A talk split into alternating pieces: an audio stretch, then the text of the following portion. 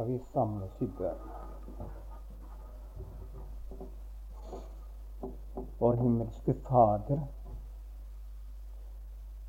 må jeg få be for disse tre unge venner som var framme her og sang. La de ikke bli trett av å tjene ved evangeliets sang og gi dem megen frimodighet og glede og lykke i deg. Og la de også få oppleve å være med og berge sjeler for himmelen. Og vet du hva vi skal være samlet om i kveld? Og jeg skjelver i mitt indre skulle gjerne ønsket å sluppet og tatt over det. Men det har jeg ikke lov å by deg om. Men jeg må forby deg, Fader, om visdom, om kjærlighet, om at mine ord må være ikledd Den hellige ånds kraft. At du vil skape åpne hjerter for budskapet. Amen.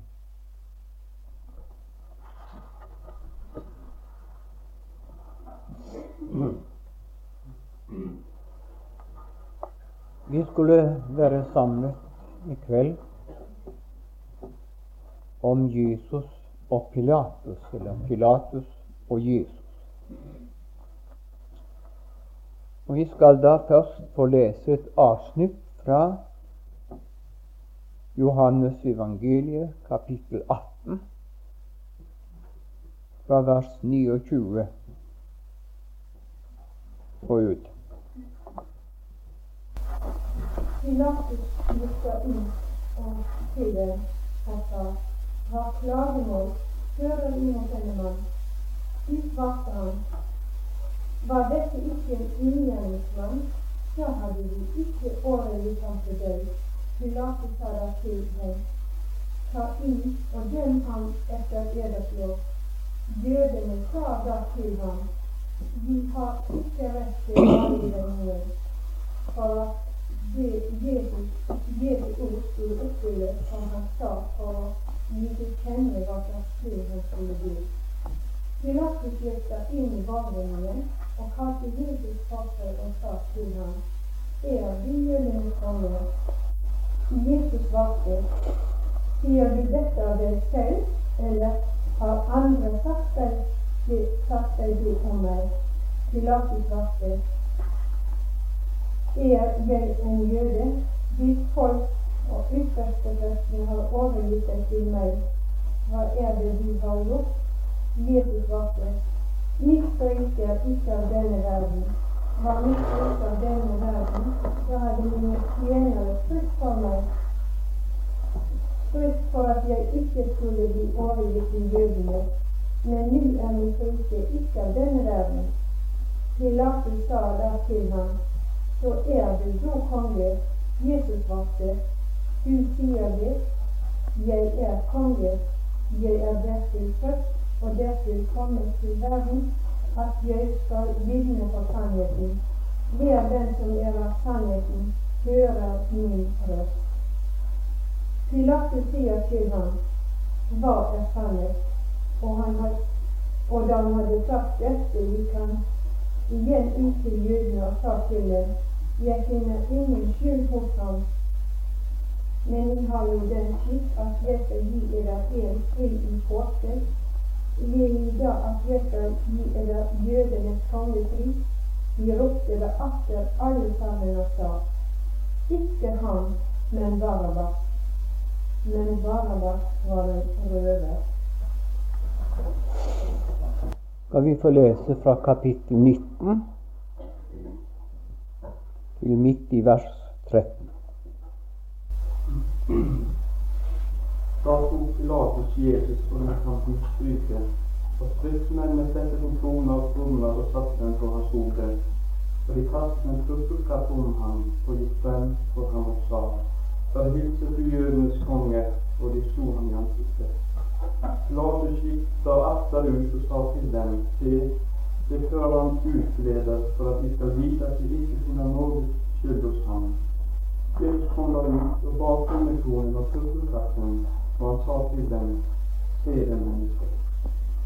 Da nu med ypperstepresten og tjenerne fikk se ham, ropte de, korsfest, korsfest. Pilatus sier til dem, ta i ham og korsfest ham, for jeg finner ingen skyld hos ham. Jødene svarte ham, vi har en lov, og etter den lov er han skyldig til å dø, fordi han har gjort seg selv til Guds sønn.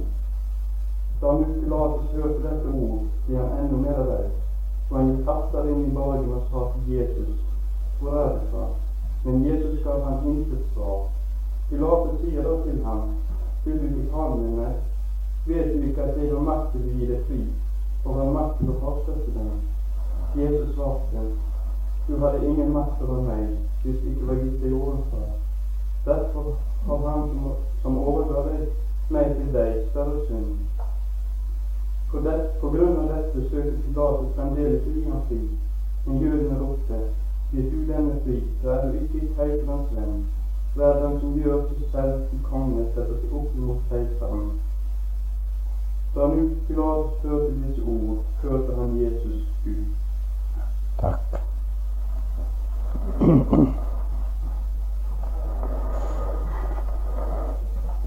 Bibelen taler i massevis om mange mennesker som ble frelst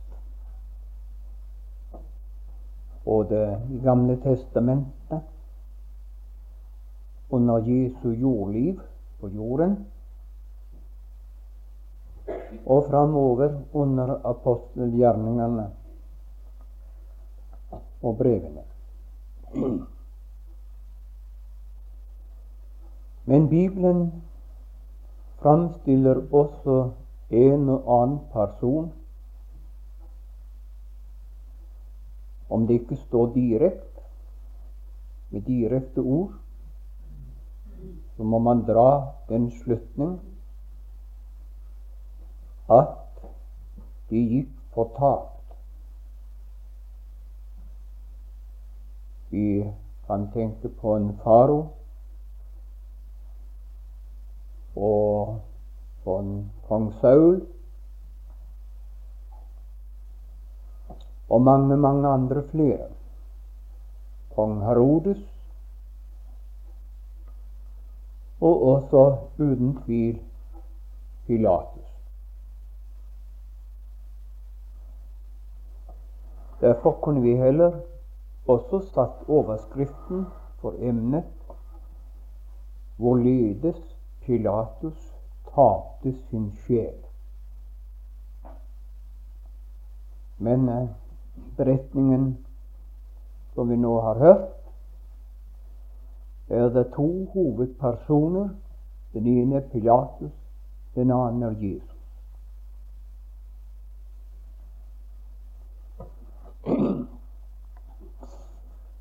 Det, det må først sies med en gang at Pilatus gikk ikke fortapt på grunn av den dom han felte som ble til korsfestelse for Jesus.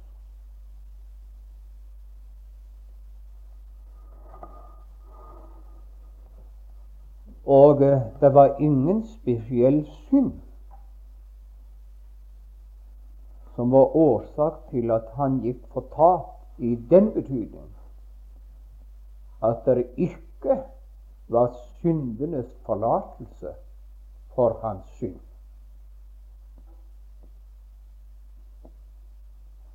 Men vi skal snart se årsakene. Og jeg tror vi har lov å råpe ut at det finnes ikke den synd i et menneskes liv den må bære hva navn den bærer vil. Uten at det er syndsforlatelse for den samme ifra Guds side, og frelse fra den synd. Hvordan tør du påstå det, sier du?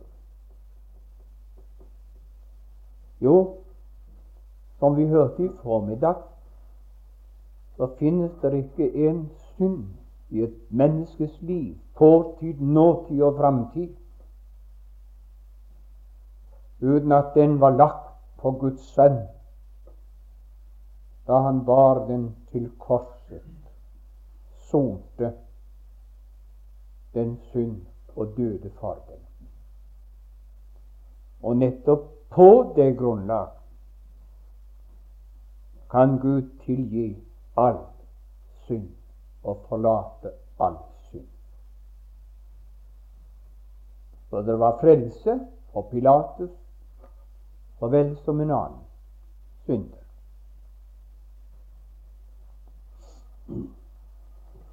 Det første vi vil si litt, det er hvor overbevist Pilatus var. For det første var han overbevist om at Kristus var uskyldig og en rettferdig mann. Tre ganger går han ut til jødene og sier til dem jeg finner ingen skyld hos ham.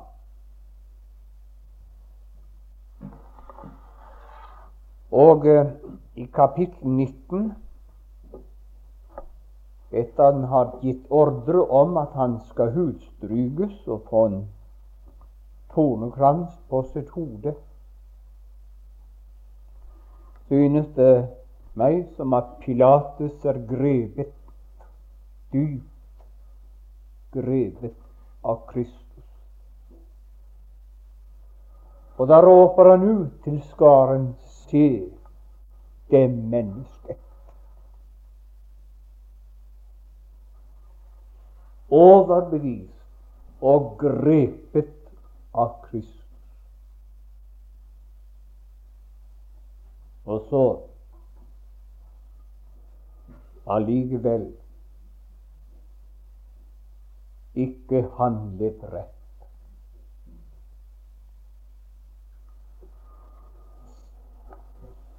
Som dere nok forstår, så har jeg reist litt rundt nå i vårt land i ca.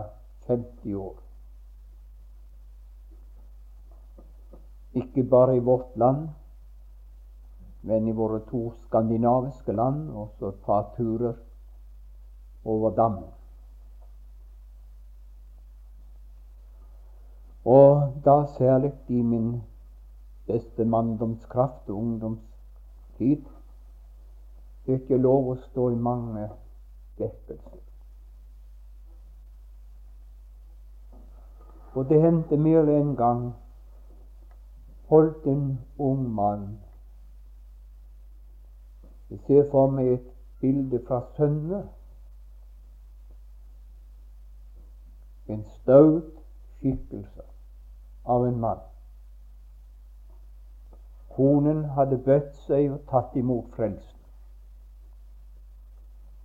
Mannen en stor fabrikkeier.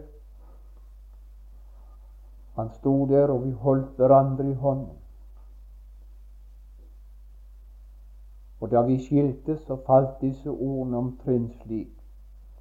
Jeg vet det, Line. Jeg vet det. Jeg er overbevist om at dette er det rette, og dette er det beste.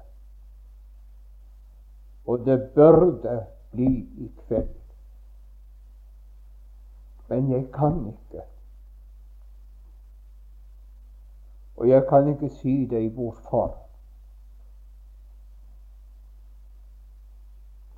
Sånn har jeg stått noen ganger i livet og holdt mange i hånden på den måten.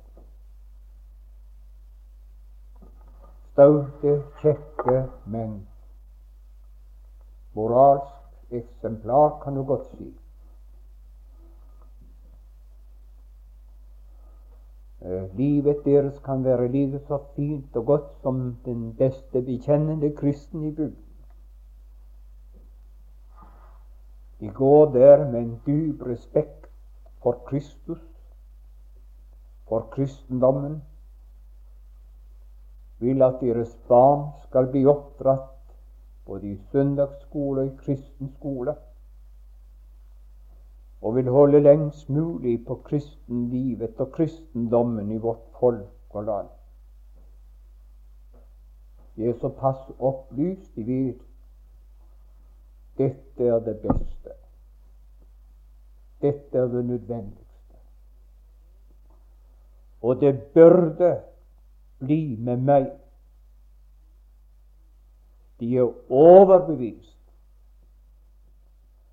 og de er for en del grepet av Kristi storhet og Kristi skjønnhet.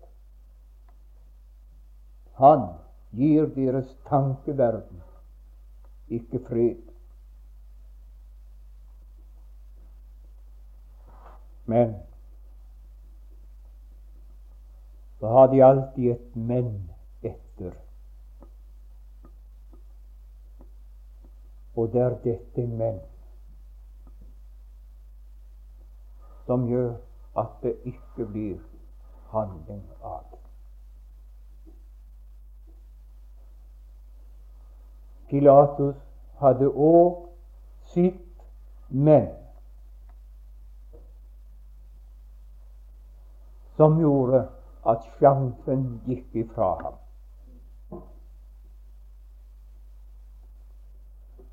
Og sjansen gikk ifra ham slik at han og Guds sønn møttes aldri mer, etter hva historien forteller.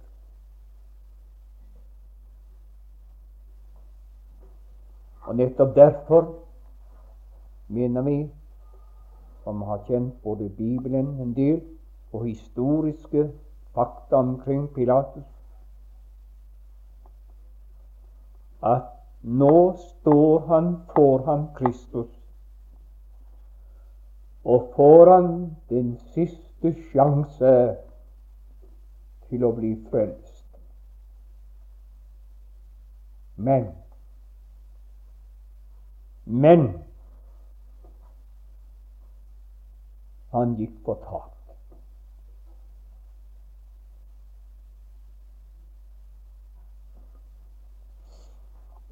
Vil vi så spørre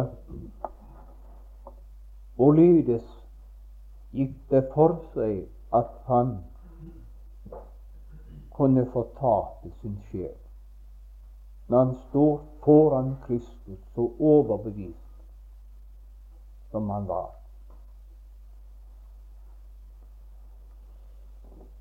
Jeg tror at det er tre grunner. Det er sikkert flere. Men må jeg få lov å peke på tre grunner.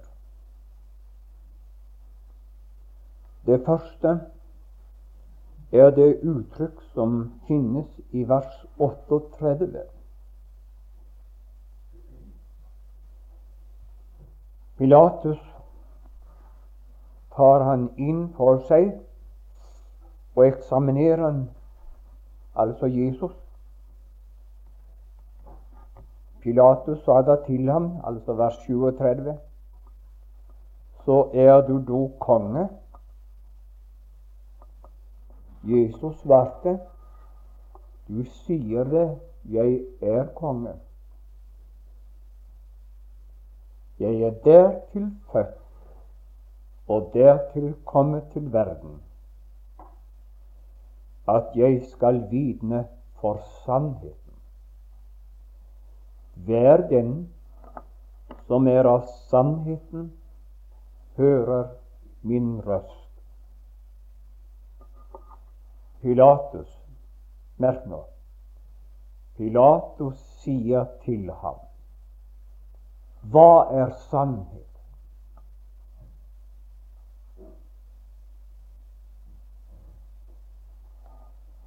Og med det samme han hadde spurt det, så vendte Pilatus seg, og så gikk ut.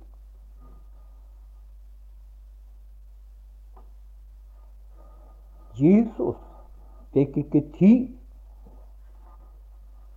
å si ham hva sannheten var.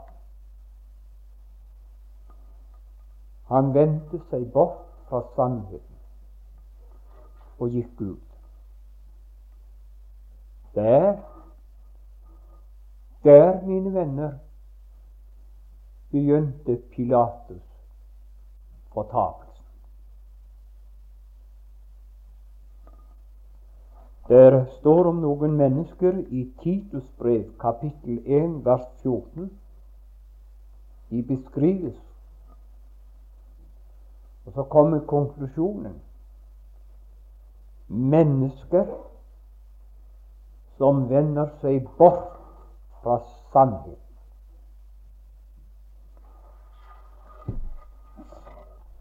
Det er umulig å få et møte med Guds sønn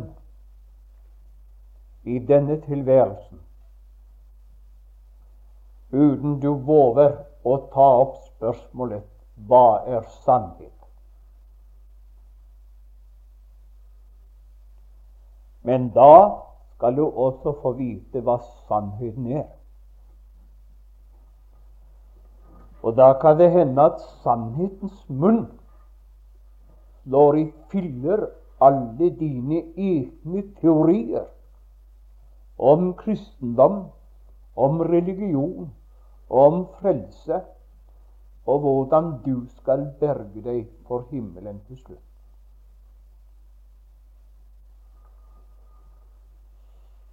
For dere, når Kristus begynner å tale til et menneske,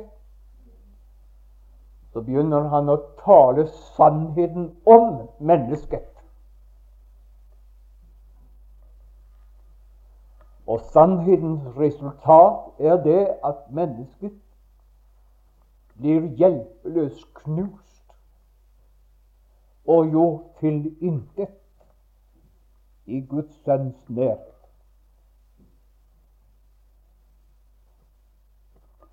Det vendte Pilatus seg bort ifra. Han lovet ikke å stå ansikt til ansikt med sannhetens munn.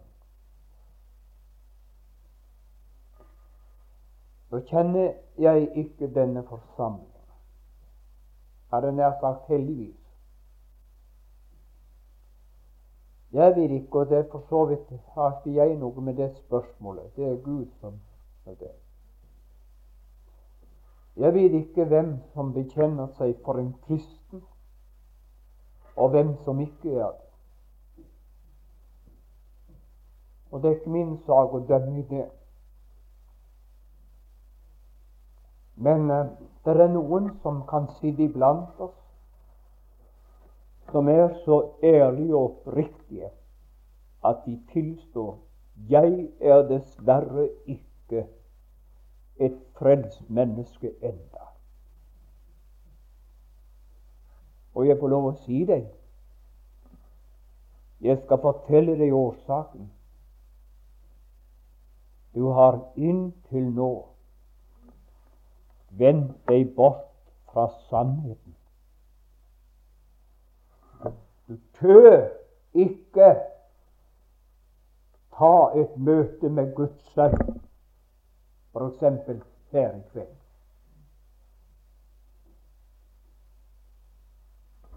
Og la meg få si deg det ser fryktelig ut, det møtet. Men når møtet er over, vil du stråle som en sol. Fordi møtet med Guds sønn gikk i ditt favør. Det har vi alle opplevd som har våget et oppgjør med sannhetens munn, den Herre Jesus. Min kjære venn, ungdom og eldre. Og jeg får ta det i hånden som en, som en kamerat som har lite grann omsorg for din sjel gjør nå ikke du som Pilatus. Vend deg ikke bort fra sannheten. det er ikke bort fra sannheten i kveld, der du sitter nå.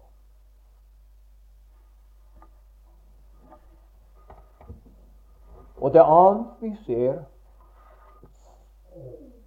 med Pilatus, det var han lot seg ikke advare.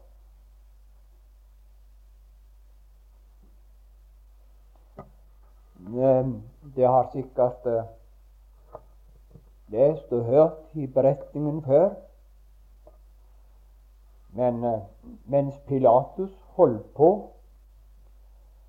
og skulle få til denne dommen, som forresten var fryktelig vanskelig for ham å få til, så kom det et bud ifra Pilatus' kone. Og budet lød Ha ikke noe med denne rettferdige mann å gjøre, altså Jesus. For jeg har litt meget ondt i drømmer i natt for hans skyld.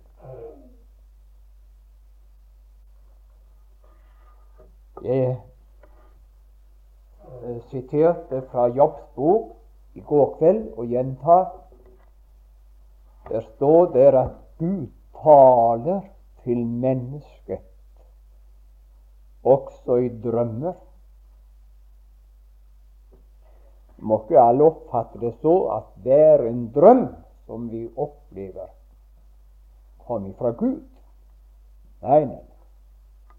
Men det er mange ganger Gud benytter seg av drøm.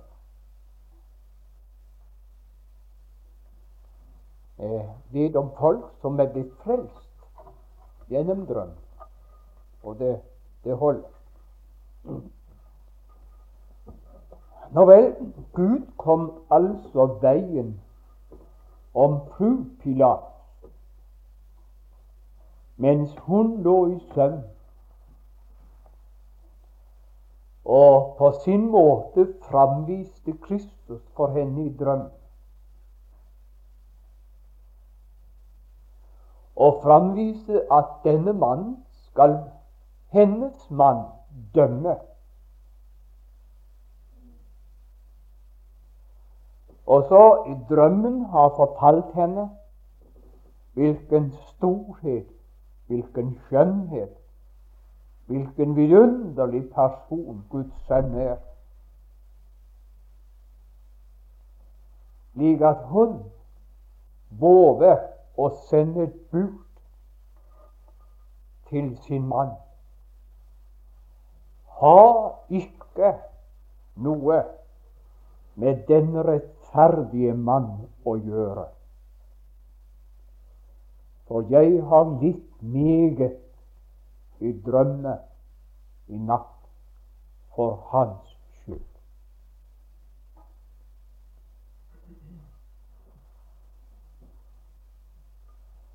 Kjære Pilatus, om du denne gangen hadde hørt på din kone, hvor alt hadde vært annerledes.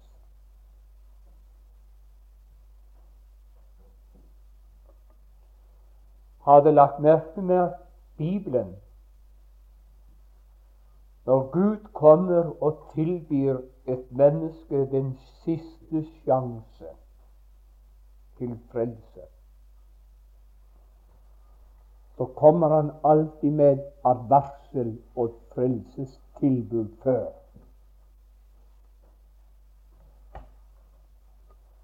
Før farao gikk på tak, sendte han Moses inn til ham. Faro forherdet seg og jakte Moses på døren, og hans endelig var i Det røde hav, hvor han en dag skal oppstå til dommens dag.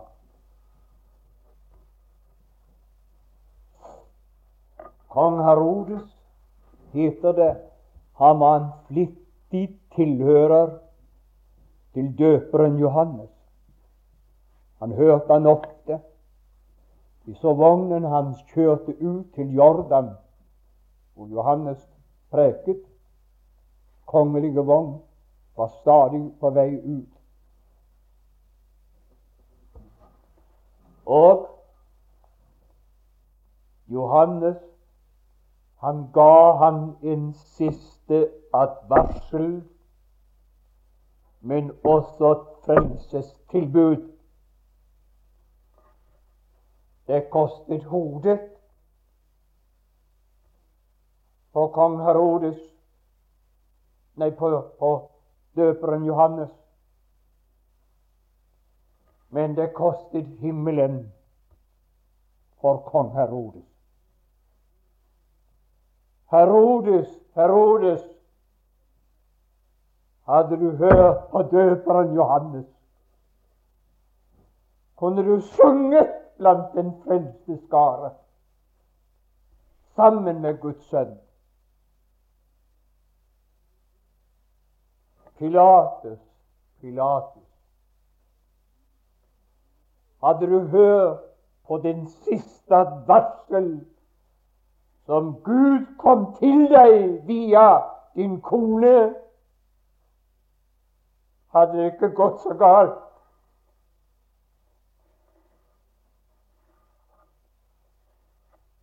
Alle de som sitter her, er det ingen som har advart deg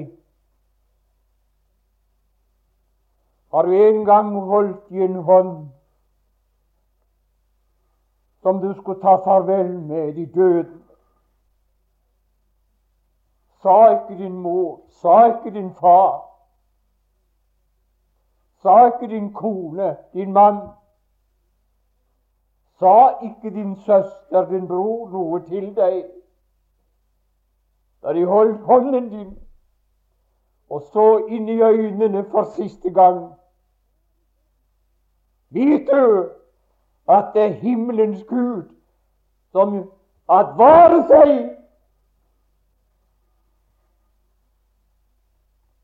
Vakt deg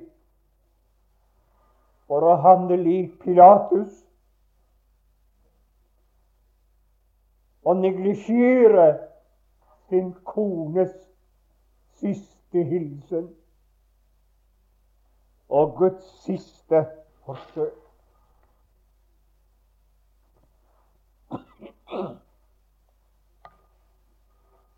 Og den tredje vi ser, som sikkert var årsak til det gikk så galt for Pilatus, det finner vi i kapittel 19, vers 8. Der står Da nu Pilatus hørte disse ord Hvilket ord?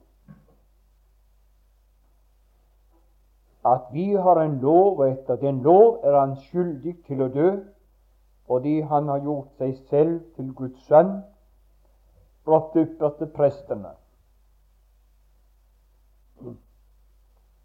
Da nu Pilatus hørte disse ord, ble han enda mer redd.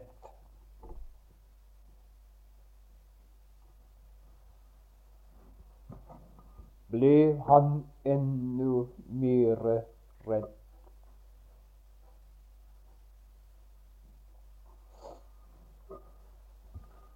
I Åpenbaringen 21 der får Johannes se den nye jord. Den nye jord, det er Guds folks endelige himmel og endelige hvilested. Hvor Kristus er kommet ned tilbake på det nye jord. Hvor den er, kan vi trygt si, blir ikke denne jord. Når han så fikk se jorden ferdig i all sin skjønnhet, så fikk han se hvem som kom inn på det nye jord. Men så fikk han også se hvem som ikke kom på den nye jord. Og det merkelige de første på fortapelseslisten Vet du hva de kalles? De redde. Og blant de var Pilatus. Jeg så at de redde ble utenfor. Det var de første på fortapelseslisten. Akk ja, det er mange mørke bilder å se tilbake på et liv i 50 år. Når jeg tenker på de mange som gikk ut fra vekkelsesmøtet. De var redde. Noen sa at de skjalv. De så seg omkring på benken. De var overbevist, lik Pilatus. Og så kikket de, og så så de. Så så de han var det, og så så de hun var det. Nei, det kan ikke bli i kveld. Jeg sier, La meg ta bare ett eksempel. Jeg ser for meg en bygd her på Vestlandet Mange begynte å søke Gud i bygden.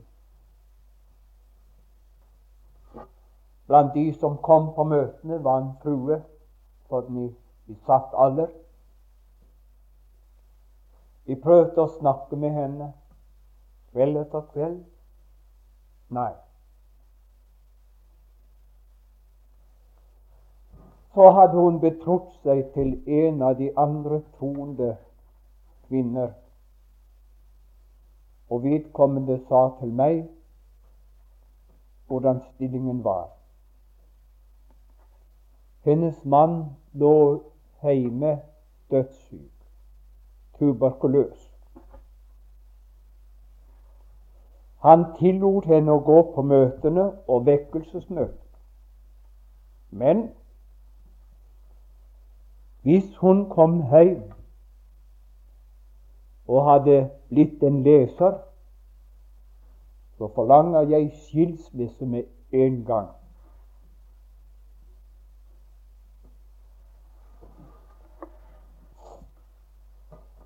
Og Jeg ser for meg den siste kveld jeg prøvde å tale med henne.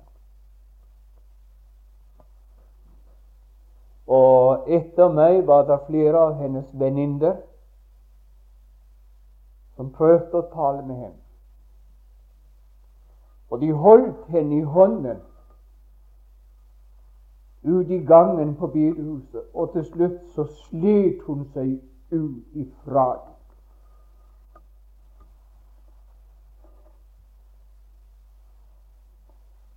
Hun var en av de redde av hensyn til hennes mann.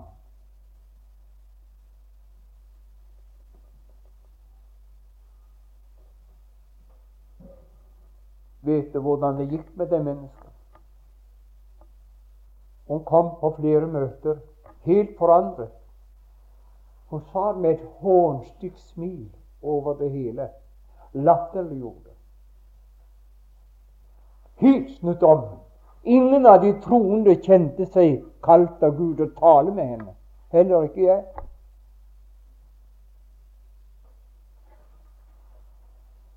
Så kom jeg tilbake et års tid på samme plass. Så spurte jeg hvordan det hadde gått med de to. Ja, det er en trist historie. Mannen hennes døde en kort stund etterpå du var reist. Og bare for en kort stund siden så falt hun død om med vevstolen på, på fabrikken. Og vi vet ikke hvordan det gikk henne.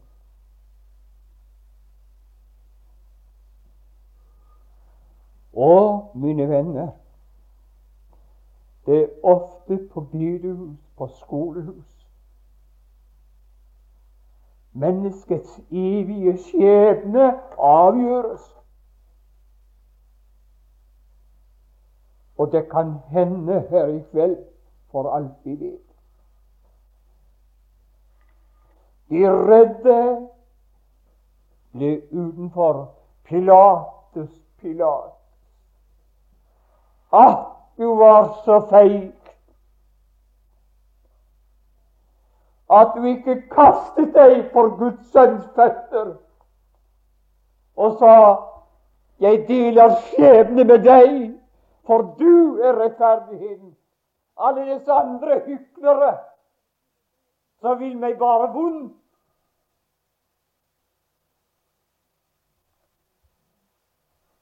Og så fikk redselen så overtak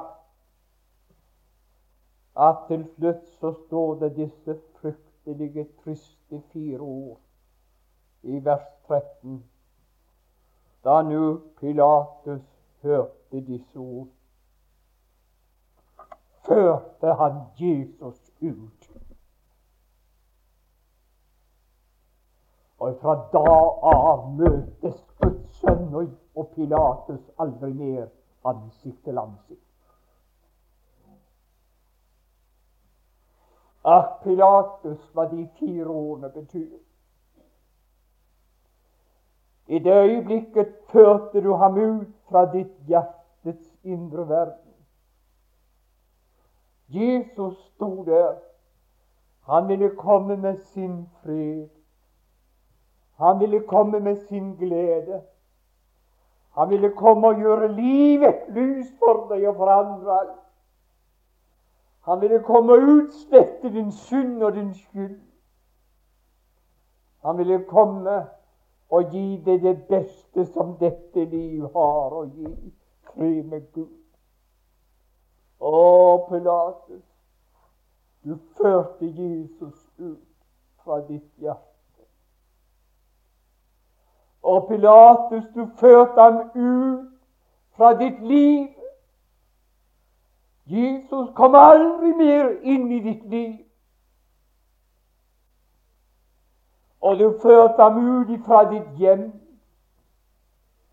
Både du og din kone kunne vært de første som skulle lovprise Guds sønn, for han tok De tok imot ham ikke bare som frelser, men tok imot ham i heimen. Pilatus hadde det aldri stått i ordene om det. Førte han Jesus ut.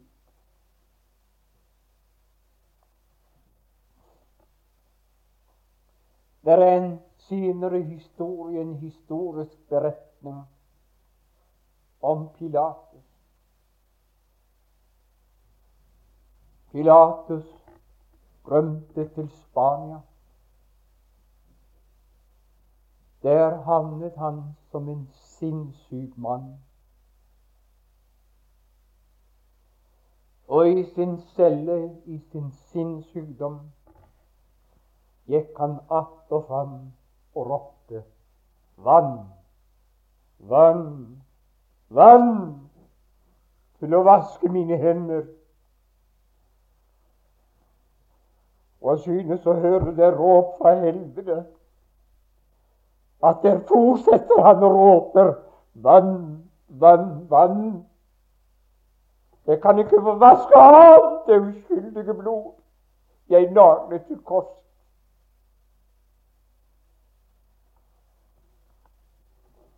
Himmelens Gud og Far, vi ber ganske enkelt La ikke dette vi har talt om Pilates, ramme noen her. La de forstå hva det gjelder, og la de får innse at Pilates' historie kan bli deres historie. Fortell du dem at det beste de kunne gjøre, det var nettopp på langfredagskveld å falle for Guds sønns føtter og råpe til ham 'ta imot meg'. Amen.